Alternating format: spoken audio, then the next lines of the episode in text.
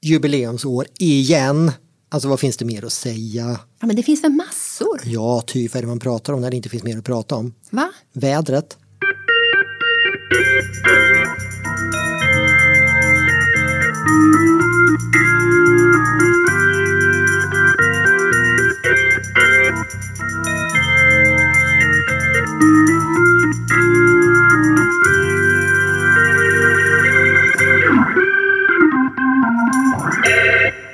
Välkommen till En kvart om Göteborg, Göteborgs stadsmuseums alldeles egna podd. Jag heter Ylva. Och jag heter Håkan och idag ska vi alltså prata om Göteborgs 400-årsjubileum igen. Ja, fast det går ju inte att göra något åt. Vi måste ju liksom tala om Göteborgs 400-årsjubileum. Och om det händer två gånger med två års mellanrum, ja men då måste vi ta det två gånger. Ja, ja. Okej, för nytillkomna lyssnare från till exempel Enskede kan jag då berätta att Göteborg fick sitt privilegiebrev i juni 1621. Hundraårsfiranden ska alltså inträffa 21, men 2021 var som bekant pandemi så åtminstone delar av firandet sköts upp till i år 2023. Och det var ju lite historiskt kul faktiskt eftersom firandet 1921 också sköts upp till 1923. Och det var ett firande som gått till historien som Göteborgs party all time high. Och idag så kommer vi att kunna fastslå något riktigt spännande. Fast då vill du alltså prata vädret.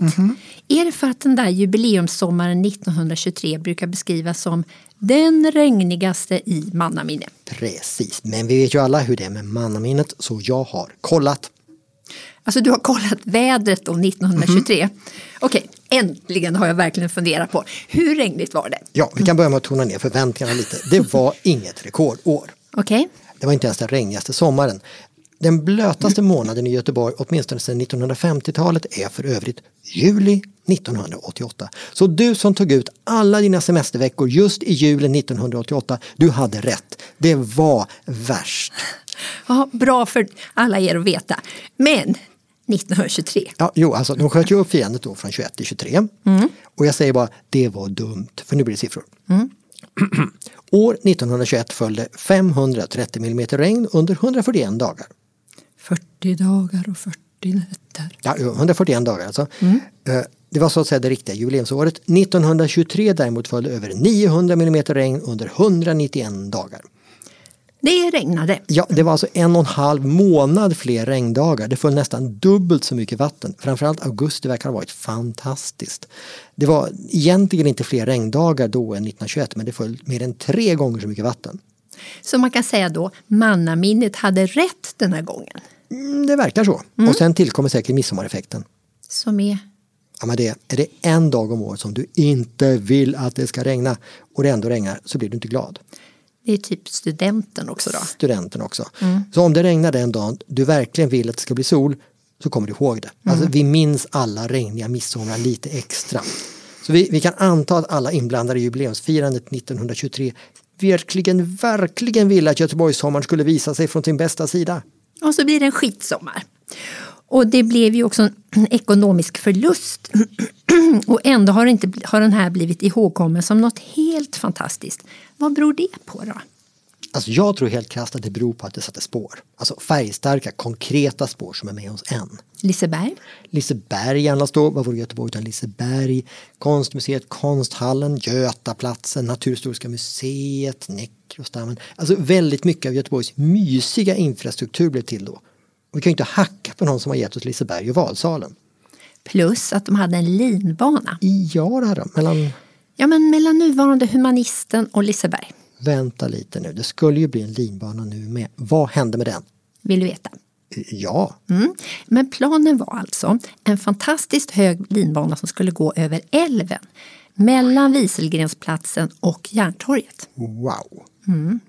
Men den här idén störtade då redan 2019 på grund av negativ samhällsnytta.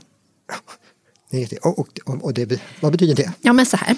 Trafiknämnden fick en utredning på bordet som sa att om linbana byggdes så att den skulle göra någon nytta inom lokaltrafiken så blev den för dyr.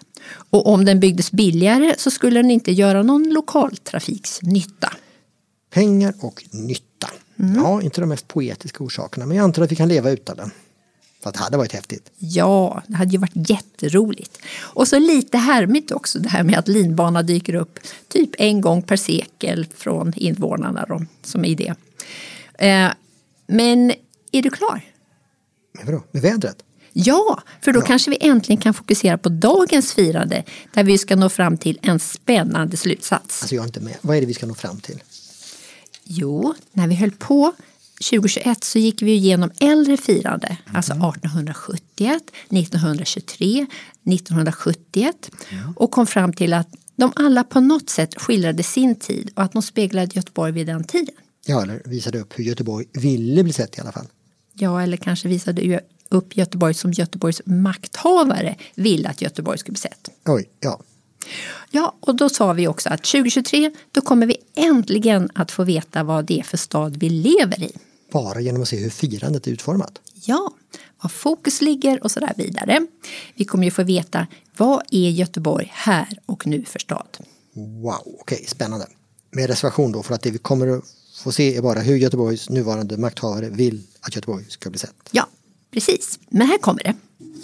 Oj, Jösses, vad är det här? Ja, men det här är ju Ju- Göteborgs jubileumsprogram. Och det har du gått igenom? Jag tänkte att vi ska göra det tillsammans. Okej. Men jag kan börja med det viktigaste. Mat. Va? Ja, men det kommer en fantastisk massa jubileumsprodukter. Ser jag här till exempel. Och då kan du, här kan du hitta jubileumspraliner, jubileumsbakelser. Här har vi jubileumsmarmelad. Alltså sockerindustrin var ju stor i Göteborg men Ja, men sen så kommer här jubileumssill, jubileumsröra, jubileumsöl, jubileumschampagne och även jubileumsvatten. okej, vad ska vi säga? Det är inte direkt jubileumsgröt och jubileumspotatis här. Nej, men är det fest så är det. Men det är ju rätt genomtänkt i alla fall tycker jag. Ölstaden, bohuslänsk sill. Typiskt bara att vi ska få jubileumsmarmelad precis när Göteborgs kex har flyttat. Eh, men sen är det inte säkert att det är just den här maten vi kommer att minnas. Hur då då? Jo, de säger ibland att 1923 var bananens genombrottsår i Sverige. Det här smarta banankompaniet bjöd ju alla jubileumsbesökare med blodsockerfall på banan. Och för många var det första gången de såg en. Så man kan ju undra vilken produkt, vilken maträtt, vilken idé, vilken dans som kommer att få sitt genombrott under det här jubileet.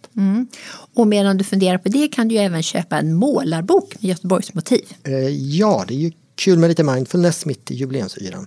Men, men förlåt, men det här räcker inte. Alltså bara mat och målarböcker. Om jag minns rätt så handlade 1871 om nytänkande progressivt jordbruk och 1923 hade tre ben, ärorik historia, modern industri och nöjesfält. Och 1971 bjöd in till sport och musikstaden med fest natten lång. Vad är 2023?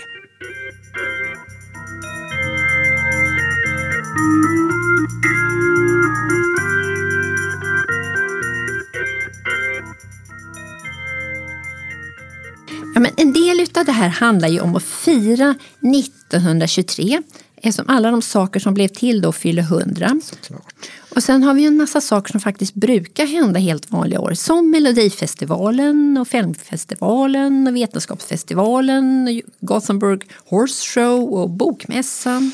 Ja, eh, och även om det är kul saker på operan och teatrar och museer så är det liksom inget speciellt för i år att de har en repertoar. Men det är ju skapligt stora konserter får man säga. First Aid Kit, Patti Smith, The Boss, Metallica, Coldplay, Gyllene Tider. Va? Finns de fortfarande? Tydligen. Sommartider, hej, hej, sommartider. Du, du, du, du. Eh, vänta nu, ingen Håkan Hellström? Jo då, han också. Han är på Way Out West. Okej. Eh, men alltså även om, om det mesta är sånt som brukar hända så är det rätt mäktigt att se det sammanställt. Det händer en del under ett år i den här stan. Mm. Och Konstmuseet visar Göteborgs kolorister. Ja, vad skulle de annars visa?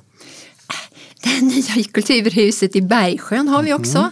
Regnleksplatsen vid Näckrosdammen. Den har väl varit klar ett tag? Va? Mm, Men nu ska du se. Jubileumsfestival. Ja! Andra till 5 juni så blir det jubileumsfestival med tre scener, mycket mat, musik, aktiviteter. Okej, nu börjar det låta som 1971 här. Party, party, party. Och sen så har vi stadsutställningen Prototyp Göteborg. Och här får du lära dig mer om citat om hur Göteborg ställer om och bygger en modern och hållbar stad inspireras av framtidens innovationer. Ja, men här har vi i alla fall någonting. Modernt, hållbart, framtid. Omställning. Ja, och här har jag, ja, här har jag faktiskt något som till och med är döpt efter jubileet. Jubileumsparken i Frihamnen öppnar med ännu fler simbassänger. Och alltså namn ska inte föraktas. Om platsen döps till jubileumsparken så kommer vi påminnas om att det var ett jubileum. Ända tills havet sköljt bort den. Nej men nu är du Ja, deppig. förlåt. Här har jag också något. 14 anledningar att besöka Göteborg 2023. Ja, ja, ja, kör hårt. Nummer ett. Göteborg är världens mest hållbara destination. Hållbart igen. Sen är ju frågan. Hur det märks när man kommer hit? Ja, men jag vet inte. Man får väl bara gå runt och känna in det lite. Här är jag på världens mest hållbara destination. Okej, nummer två. Liseberg! Ja, okej, hundra år. Mm. Jubileumsfestivalen. Den har vi. Och så har vi det nyöppnade Sjöfartsmuseet. Hurra, hurra, hurra. Och sen har vi något nytt på Universium. Okej, Och så har vi Jubileumsparkens bassänger. ja. Och sen så har vi ny skybar. Nej, Göteborgs högsta skybar. Wow. På nya Clarion Hotel Draken. Okej, Och sen så har vi övriga museer får samsas på en punkt. typiskt. Mm, sen har vi Göteborgsvarvet. Mm-hmm. Och så har vi konserterna. Ja, känns som att vi redan har täckt in det här rätt bra, va? Sen har vi världsmästerskap i handboll och hockey. Okej, den hade vi missat. Öl.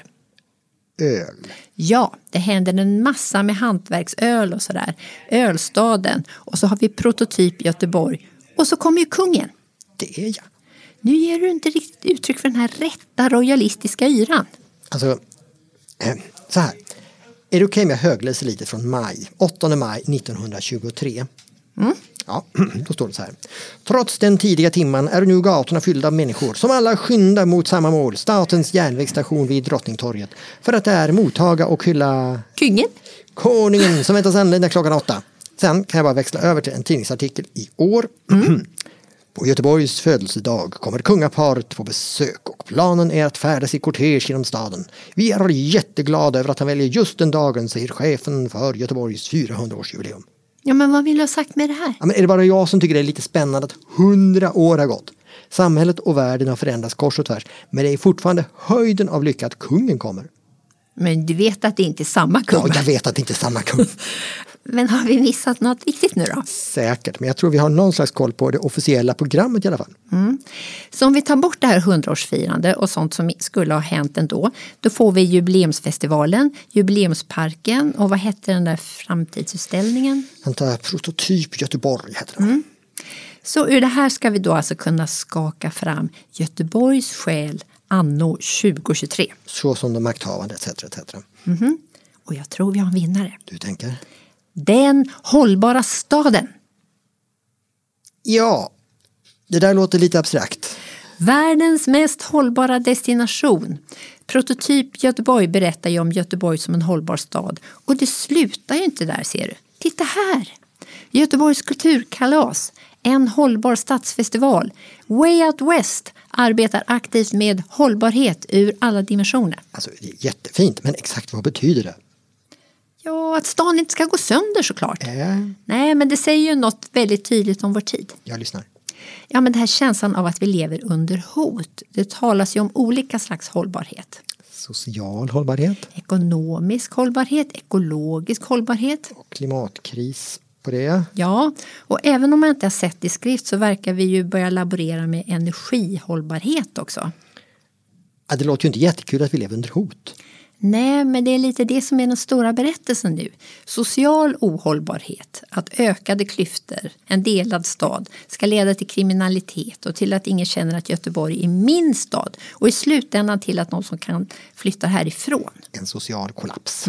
Och så har vi den ekonomiska ohållbarheten.